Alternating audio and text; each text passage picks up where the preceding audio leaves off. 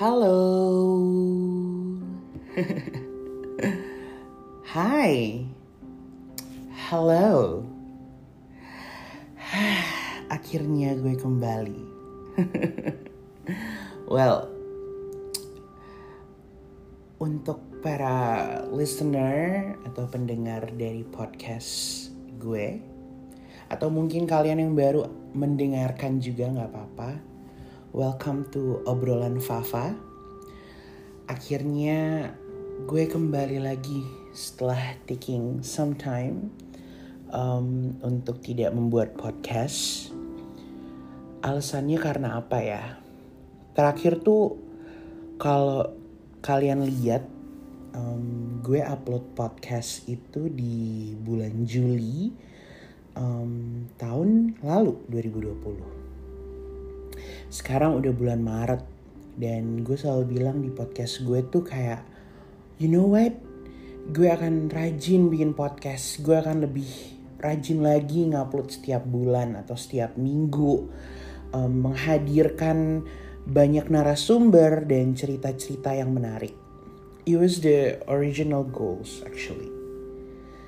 Tapi um, universe berkata lain dan banyak sekali hal yang terjadi di kehidupan gue dari mulai bulan Agustus sampai sekarang.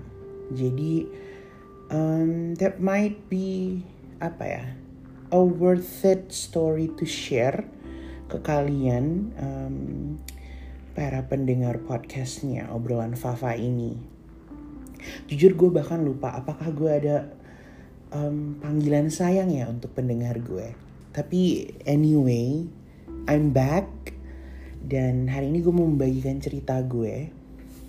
Mungkin kalau kalian sudah lihat judulnya, COVID versus reality.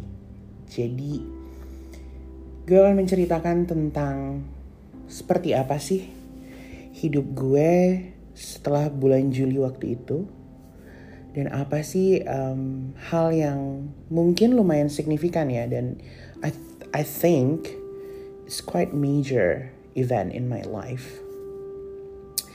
Um, yang terjadi pada gue di akhir di penghujung tahun 2020 dan awal tahun 2021 yang mungkin bisa jadi sama-sama apa ya kalau dibilang pelajaran kayaknya semua orang juga mungkin mengalaminya. Beberapa dari kita mengalaminya. Jadi mungkin sekedar cerita untuk apa ya?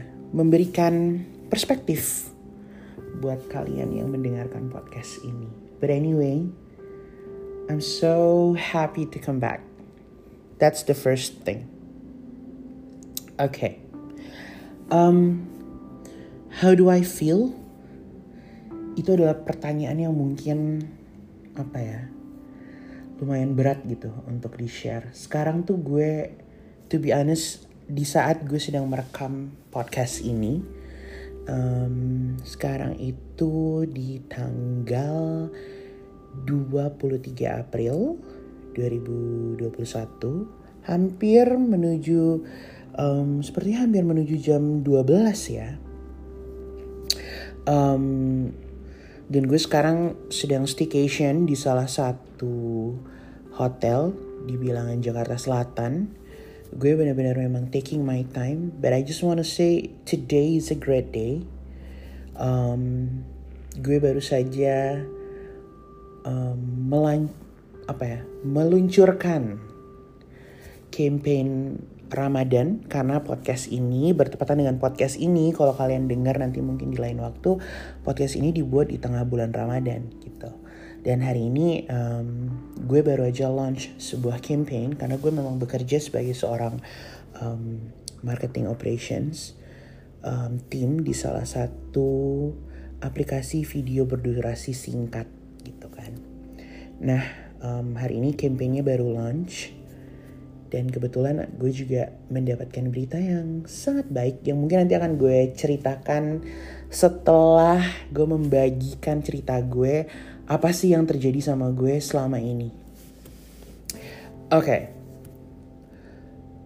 Mungkin buat kalian yang sudah follow Instagram gue kalian tahu ya kalau memang di akhir tahun kemarin di 2020 um, tepat di malam tahun baru uh, setelah merayakan malam tahun baru di apartemen gue um, gue itu memang mendapati um, teman gue um, orang terdekat gue ini uh, terkena covid-19 jadi kita bertemu itu di hari Natal 25 Desember. Kemudian kita memang um, jarak kita itu sangat dekat gitu ya. Dan gue punya intensitas um, berdekatan dengan orang ini sampai tiga hari I think. Tiga dua hari. Kemudian di 26 Desember malam orang ini terkena um, menunjukkan symptoms gitu. Dia demam um, dengan suhu 39 Then I noticed, okay, something wrong. Di 27 Desember, I found out um, orang ini terkena positive COVID-19. Karena gue memang kebetulan duduk dekat dengan dia, beraktivitas dekat dengan dia. Jadi, I see it coming, to be honest. To be honest, I see it coming. Okay. I think I'm gonna get COVID-19 um, tapi pada saat itu gue swab antigen. Dan itu menunjukkan hasil negatif. Jadi um, gue kira memutuskan you know what? Let's observe sampai 4 sampai 5 hari gitu. Uh, itu sudah di tanggal 27 Desember ya kemudian akhirnya gue um, berkonsultasi lah sama sahabat gue Ingrid. Yang mungkin kalian juga denger kan Ingrid itu adalah salah satu bintang tamu di podcast gue. Um, dia dokter gigi tapi dia memang datang dari keluarga dokter. Jadi memang kebetulan ayahnya itu adalah seorang uh, dokter. Do you guys heard the serene sound? Sorry ya tapi I just wanna keep it real di podcast ini. Dan kayaknya ada ambulans atau mungkin um, blamuir ya. Uh, pemadam kebakaran I don't know. But yeah continue to the story ya. Um, akhirnya gue bilang nih sama Ingrid kayak hey uh, gue have a very close contact dengan orang yang memang terkena covid dan confirm positif. Um, akhirnya dia bilang gue udah konsultasi sama bokap gue nanti bokap gue akan kontak lo ya kan. Akhirnya gue ber uh, komunikasi nih dengan uh, Om Gunawan. Gue panggilnya Om Gunawan. Thank you banget nih. To be honest, thank you banget buat Om Gunawan yang sudah membantu um, gue selama perawatan COVID-19 gue itu ya. Akhirnya dia bilang tunggu 4 hari Fandi, abis itu um, kita observasi lagi. Nah, kemudian gue tuh ngerasa di 28, 29, 30 I'm pretty fine. Gue gak nunjukin symptoms apa pun, I feel great, um, gue minum vitamins lebih rutin dan lebih dosisnya lebih tinggi dengan harapan, oke okay, nanti setelah seminggu gue mau um, PCR, uh, dan PCR ya bukan swab antigen. Karena memang um, apa namanya effectiveness dan uh, ketepatan mungkin ya um, dari swab antigen itu memang baru terlihat setelah 5 sampai 7 hari terpapar dengan virus tersebut. Jadi um, pada saat itu mungkin gue sudah terpapar, tapi hasil swab antigen gue belum menunjukkan karena kan again keep it in mind gue ambil swab antigen di tanggal 27 Desember tersebut dan resultnya negatif gitu. Ya udah akhirnya um, gue memutuskan untuk you know what um, I think I'm fine. Dan pada saat itu gue juga sudah book. Gue tuh memang punya suatu apa ya bukan kebiasaan tapi gue sangat suka staycation gitu di Jakarta. Jadi sebenarnya gue memang mau merayakan tahun baru um, itu di salah satu uh, hotel di di bilangan Jakarta Barat gitu.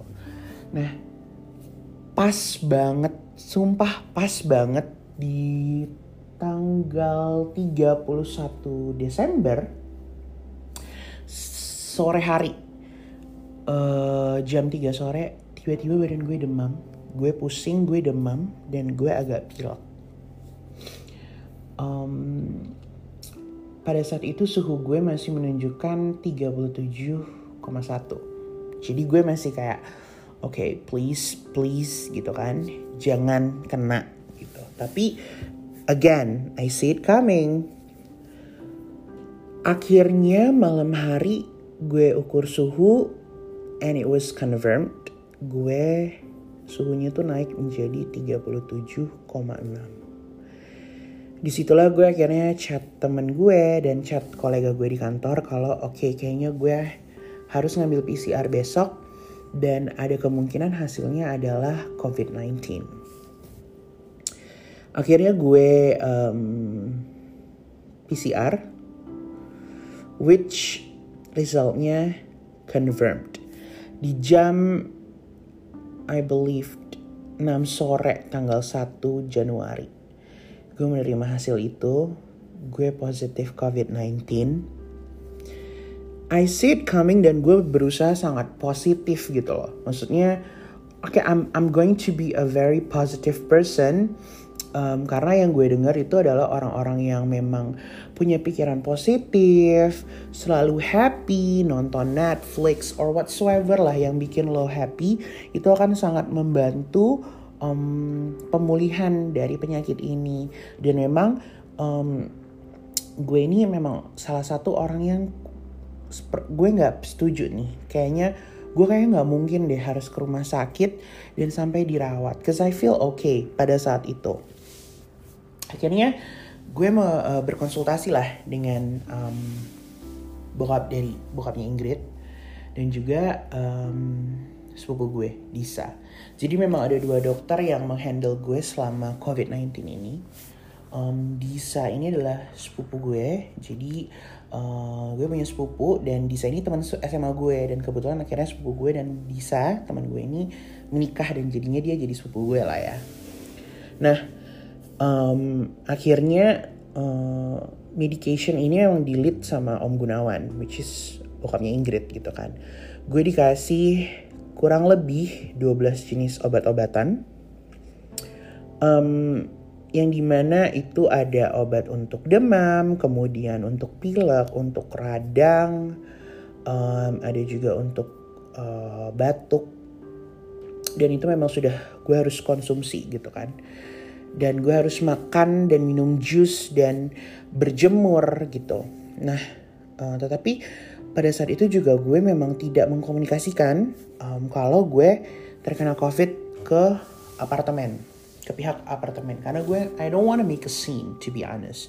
Jadi gue memang benar-benar pure stay in my room. Um, apa namanya uh, setiap gue keluar dari kamar gue dari apartemen gue itu gue menggunakan jaket berlapis tangan gue gue masuki pakai gloves. Jadi uh, gue lapis um, wajah gue nih dengan mask tiga lapis gue pakai uh, jaket yang memang bentuknya hoodie jadi memang menutup cover semuanya. Karena gue memang gak mau menularkan orang mungkin tetangga gue atau apa gitu kan. Jadinya pada saat itu ya udah um, akhirnya gue uh, benar-benar isolasi lah. Selama hmm, dokter gue itu bilang oke okay, isolasi dulu selama 10 hari kemudian nanti baru kita lihat observasi hari pertama gue masih oke. Okay. kedua ketiga fine. Masuk hari keempat gue udah mulai agak khawatir. Kenapa um, oksigen gue ini menurun? Tetapi gue tuh tetap nggak mau kekeh nggak mau ke rumah sakit. Gue mau tetap menjalani um, perawatan secara mandiri gitu. Gue nggak mau di gue nggak gue pun tidak uh, pada saat itu ya tidak melaporkan ke puskesmas kalau gue terkena covid jadi uh, mengakibatkan gue juga tidak mungkin dikirim ke wisma atlet gitu kan. Dan pada saat itu juga gue berpikir dan berkonsultasi dengan dokter gue oh ya karena lo memang tinggal di apartemen sendiri dan lo bisa apa ya isolasi mandiri ya kenapa enggak? gitu kan. Jadi ya I take the simplest way that I can take gitu. Dan apa namanya di garis bawahinya tuh adalah lebih ke gue gak mau merepotkan orang sekitar I can stand on my own I can take care of myself um, dan gue memang membeli apa istilahnya tuh uh, perlengkapan kebutuhan untuk dua minggu pada saat itu. Akhirnya benar-benar memang awal-awal tuh nggak apa-apa. Awal-awal gue masih kayak positif gitu kan. Minumlah pengobatan obat dari apa Arab kemudian ada habatus sauda kemudian um, aduh banyak banget deh sampai akhirnya tuh um, gue akhirnya memutuskan untuk membuat sebuah IGTV diary to talk about my COVID. Initially sebenarnya I'm trying to be positive dan membagikan informasi ke orang-orang just in case ada kerabat atau teman atau bahkan dirinya terkena COVID supaya mereka bisa how to deal with it. Tapi ternyata satu realization yang gue dapatkan ketika gue terkena COVID. Turns out I'm a person yang nggak bisa gue tuh nggak bisa banget nih terlihat lemah di depan orang dan gue tuh sangat tidak bisa. I'm not saying it's good and I'm not saying it's bad. It's just me and I'm working on it gitu untuk apa ya improvement mungkin ya. Tapi ketika orang pitying myself and seeing myself as someone that has sickness dan gue tuh ngerasa gue tuh lemah banget gitu dan gue kayak nggak berdaya. Padahal sebenarnya menurut gue you don't have to treat me differently just treat me normally. Um, ini beberapa hal yang gue find ketika gue uh, terkena covid ya. Yang pertama adalah gue ini adalah orang yang ini this is only applies to me ya. Maksudnya nggak nggak bisa menyamaratakan. Satu gue nggak bisa stand dengan orang yang bilang gini. Intinya lo tuh harus selalu positif sih. Harus selalu happy. Um, pokoknya lo nonton Netflix aja pokoknya stay happy deh. Nah tapi orang yang ngomong ini adalah orang yang tidak mengalami covid. Niatnya baik banget untuk ngasih suggestion untuk supaya happy. Karena mereka tahu bahwa mood itu somewhat um, affecting gitu terhadap apa ya durasi kesembuhan ataupun um, daya tahan tubuh kita gitu kan.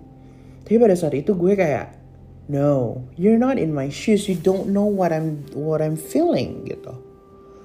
Stay happy stay positive. Kenapa memangnya gue nggak boleh apakah tidak valid perasaan gue ketika gue merasa kesal gitu dengan keadaan dan pengen nangis? Um, di situ gue belajar sih. Akhirnya gue um, gue paham. Pada saat itu dokter pun juga bilang gitu jangan terlalu stres jangan ini. It's really hard to be honest. I gotta say it. it's really hard. Nggak gampang gitu. It's really hard. Um, itu yang gue notice pertama Terus yang kedua, ternyata gue itu um, sangat senang menghabiskan waktu gue sendiri dan apa ya kesembuhan itu timbul karena gue melakukan hal yang gue suka sebenarnya. Jadi mungkin sebenarnya link back again to be happy tapi tanpa harus didikte gitu. Jadi gue pada saat sakit itu gue melukis, gaya banget gak sih melukis, menulis, dengerin musik, um, ya beraktivitas, melakukan hal, hal yang gue suka, makan makanan yang gue suka gitu. Tapi pada saat bersamaan gue juga tetap mengimbangi tuh kayak minum jus, berjemur gitu kan. Jadi, um, oh dan satu, pada saat itu gue memang cuman perlu ngobrol sama mama, sama adik, um, dan sahabat gue Ingrid Hans Dendi um, dan Erika. Mereka ini orang yang sangat sangat mengerti gue. Mereka tuh tahu kalau gue itu orangnya nggak suka ditanya gimana keadaan lo sekarang? Are you okay? How do you feel? and all that. Mereka benar-benar keep it in silence mereka hanya merespon ketika gue memberikan update gitu. Jadi um, gue nggak merasa gue sedang sakit. Itu sih sebenarnya menurut gue.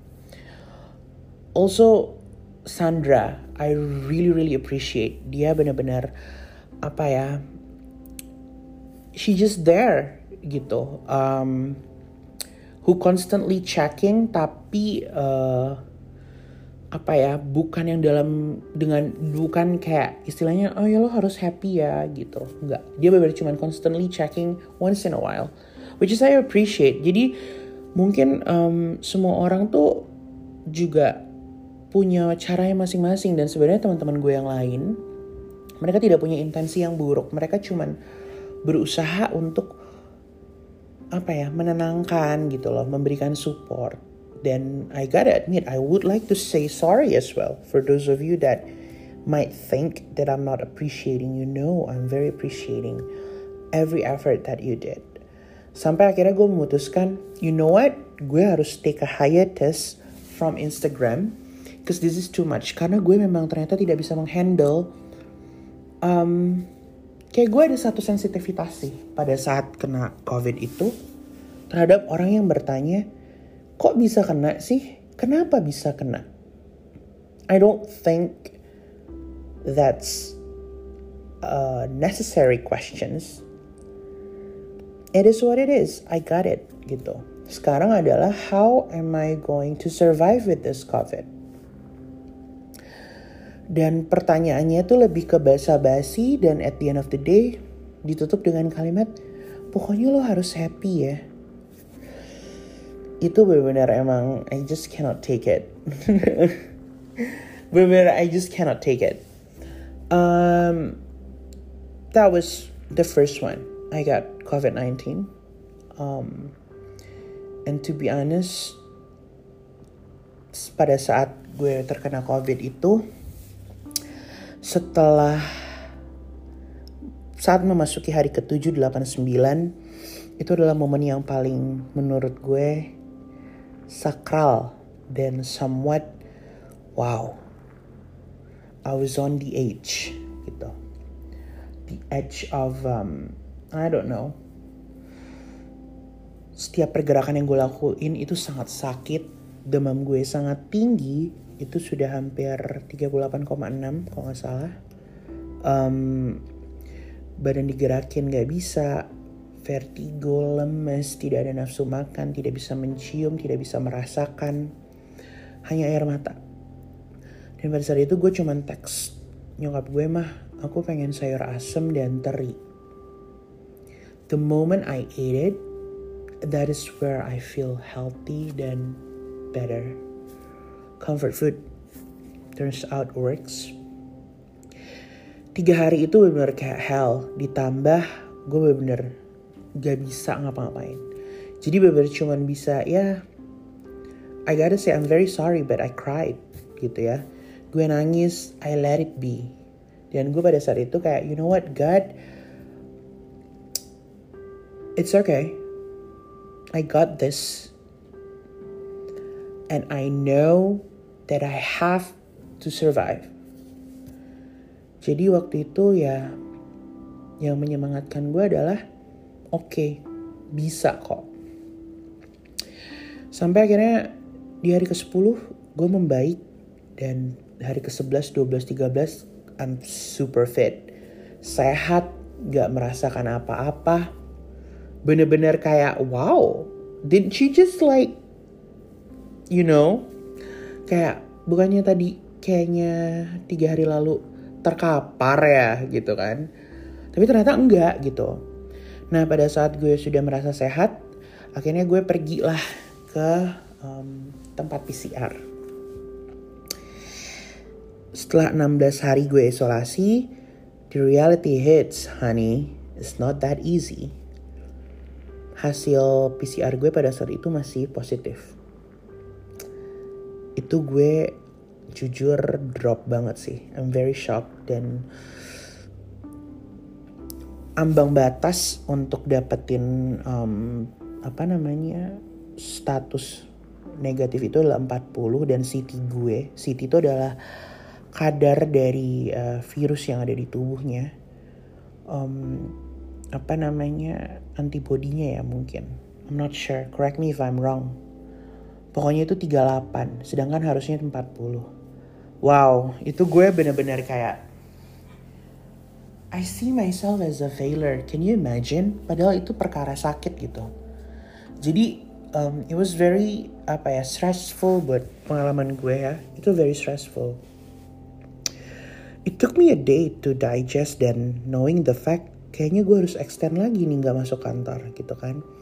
But I'm very thankful that my office super duper pengertian gitu. Sampai akhirnya oke, okay, gue akhirnya konsultasi lagi dengan dokter dan mereka bilang, Fandi kayaknya lo perlu um, tunggu lagi 10 hari, oke? Okay? Then we will check. Oke. Okay.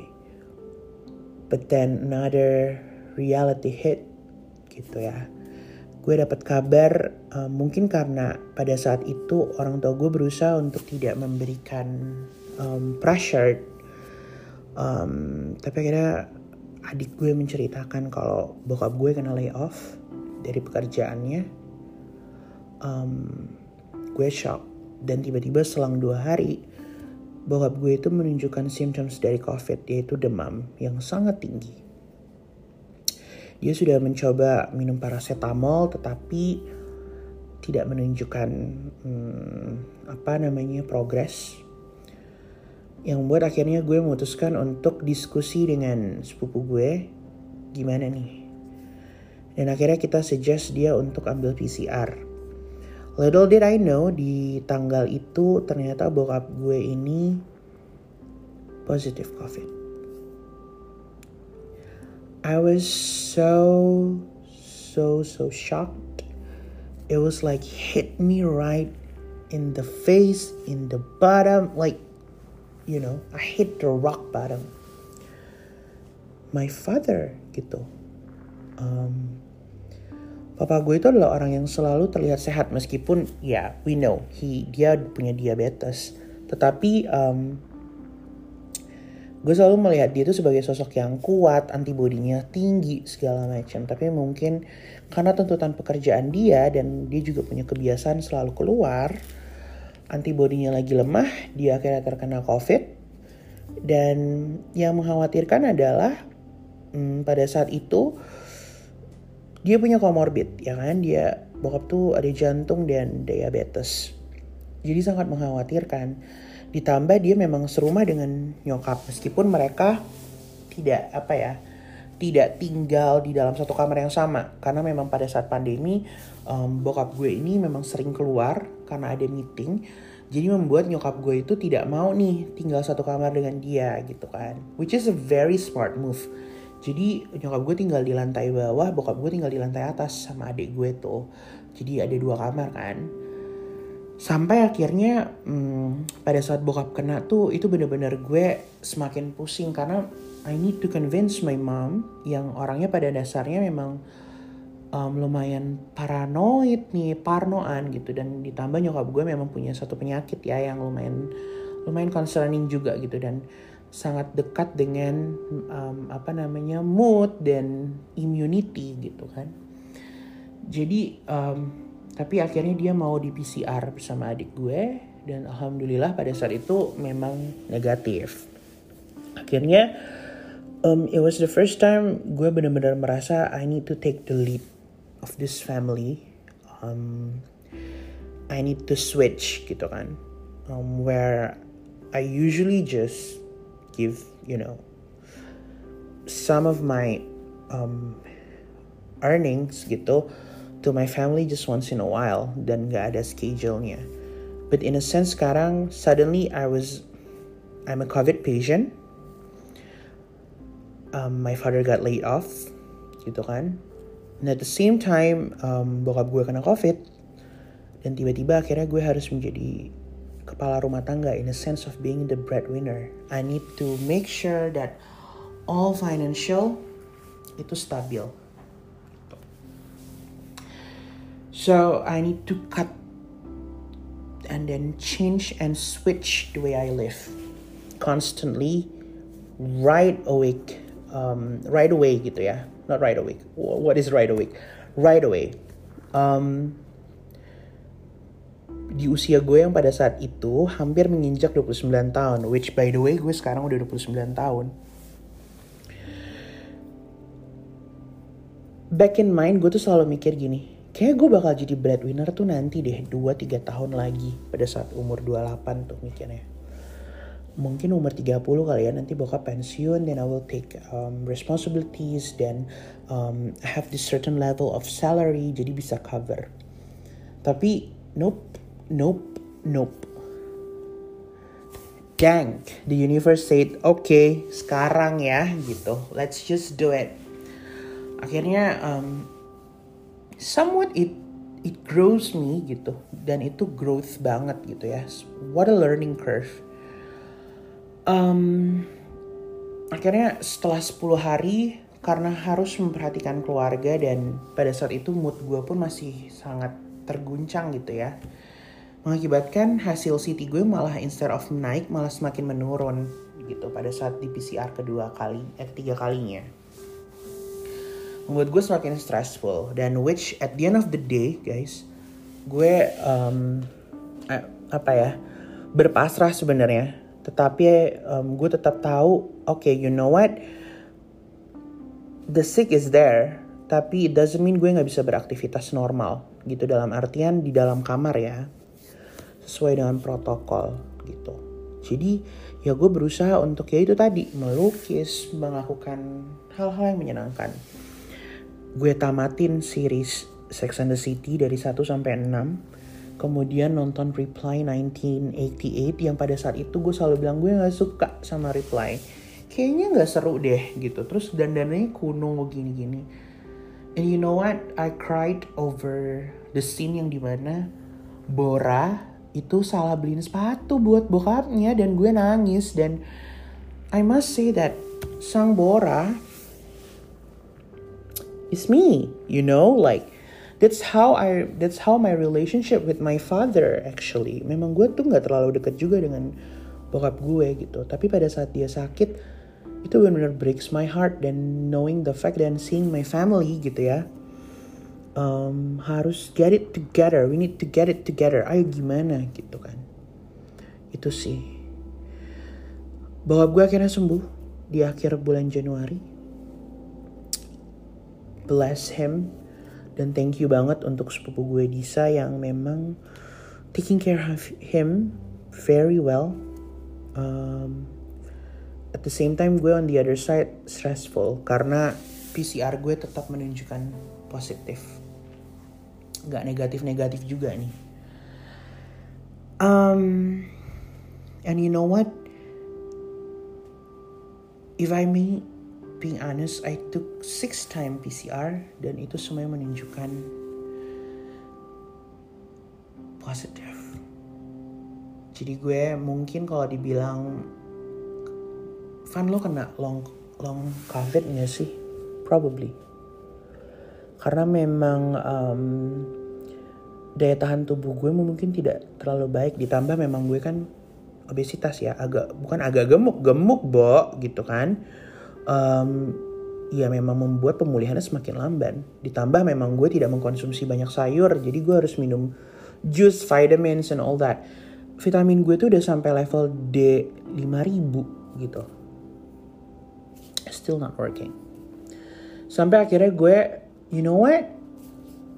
I'm just gonna get back to work. I feel great. Akhirnya gue consolidate lah dengan HR. I wanna get back to work. Jadi dari um, akhir Februari gue sudah kembali ke kantor, mulai mengerjakan campaign, baby steps lah istilahnya ya. Um, sampai akhirnya di tanggal 30 Maret gue memberanikan diri untuk swab antigen terlebih dahulu. Um, kemudian gue tes antibody kualitatif di situ gue tahu kalau ternyata antibody gue ini sudah menginjak angka di atas 250 which is sesuai dengan conversation gue dengan Ingrid teman gue ini dia bilang kalau 100 harusnya udah oke okay, Van you already have the antibody dan harusnya lo udah tidak menularkan that's make me happy dan antigen gue pun negatif dan akhirnya Yes, I was confirmed that I'm COVID survivor. that I am finally past the long haul COVID dan akhirnya kembali beraktivitas normal. Karena pada dasarnya sebenarnya memang PCR itu tidak menentukan. Um, PCR itu untuk menentukan whether you have the COVID or not. Tapi bukan berarti setelah menjalani karantina dan ketika dites masih positif itu ada dua kemungkinan. Uh, memang masih COVID atau ketika hidung lo lagi dicolok gitu yang keambil tuh adalah virus-virus mati gitu. Jadi memang gue sempet tuh terapi hidung dengan air salin, kemudian um, bener-bener jemuran terus sangat intens gitu sampai akhirnya yes I'm finally healthy gitu. Um, itu sih sebenarnya that's what happened to me sampai akhirnya gue tuh punya um, lima key realization dari kejadian ini ya yang pertama you are on your own in this life no matter how your parents your loved ones lah istilahnya. Your best friends love you. Tapi ketika lo menghadapi sebuah penyakit dan itu terjadi di diri lo, you are your own battle. You you need to face it gitu. Embrace it. Which is kita ini hidup tuh gue tidak mengajarkan individualitas ya, tetapi kita itu memang harus fokus dengan diri kita we are on our own. Dan yang kedua, ini yang gue pelajarin ya. Dan gue alamin gitu. Setelah mengalami kejadian ini, your feelings are valid. If you wanna cry, cry. If you wanna feel happy, happy. If you wanna be pissed because of your PCR results not okay, go ahead. Tapi jangan lupa bangkit jadi itu pun akhirnya gue dapatin gitu ya um, ternyata feelings tuh penting kita harus rasakan jangan kita abaikan. If you feel like you wanna call your mom and you wanna say that you miss her or you loved her if you wanna say that you really appreciate your best friend for being there for you go ahead. Do not wait. Yang ketiga tuh you need to focus on you. The universe dari kehidupan lo, sentral dari tata surya kehidupan lo tuh bukan karir, bukan percintaan, bukan orang lain. Gak seharusnya. Sentral dari kehidupan lo atau pemeran utama dari kehidupan lo itu adalah diri lo. Dan banyak sekali orang yang menjadikan diri mereka adalah kemarin figuran di kehidupannya. And I don't think that's right. You need to be the main character of your life. Jadi you have to focus on you. Kemudian harus segala sesuatunya tuh harus dilihat esensinya. Back to the essence sebenarnya tuh apa sih goalnya ketika lo mau melakukan sesuatu atau bercita-cita atau menginginkan sesuatu ya menginginkan sesuatu. Sorry batuk gitu kan. Um, but anyway pada saat itu gue mikirnya gini. Aduh gue tuh sebenarnya pengen banget nih kuliah di luar negeri. I always dream about that. I saved my money for that. Um, sebenarnya ada satu negara ya, which is ya, maybe some of you know, gue pengen banget kuliah di Turki. Um, dan gue pengen banget gitu lah istilahnya belajar kuliah tinggal di sana satu tahun aja satu setengah tahun deh max jadi di dari 2019 gue sudah mengumpulkan uang nih untuk biaya kuliah gue dan biaya hidup gue di sana. Little did I know 2021 hit me hard di awal tahun. Gue harus jadi breadwinner.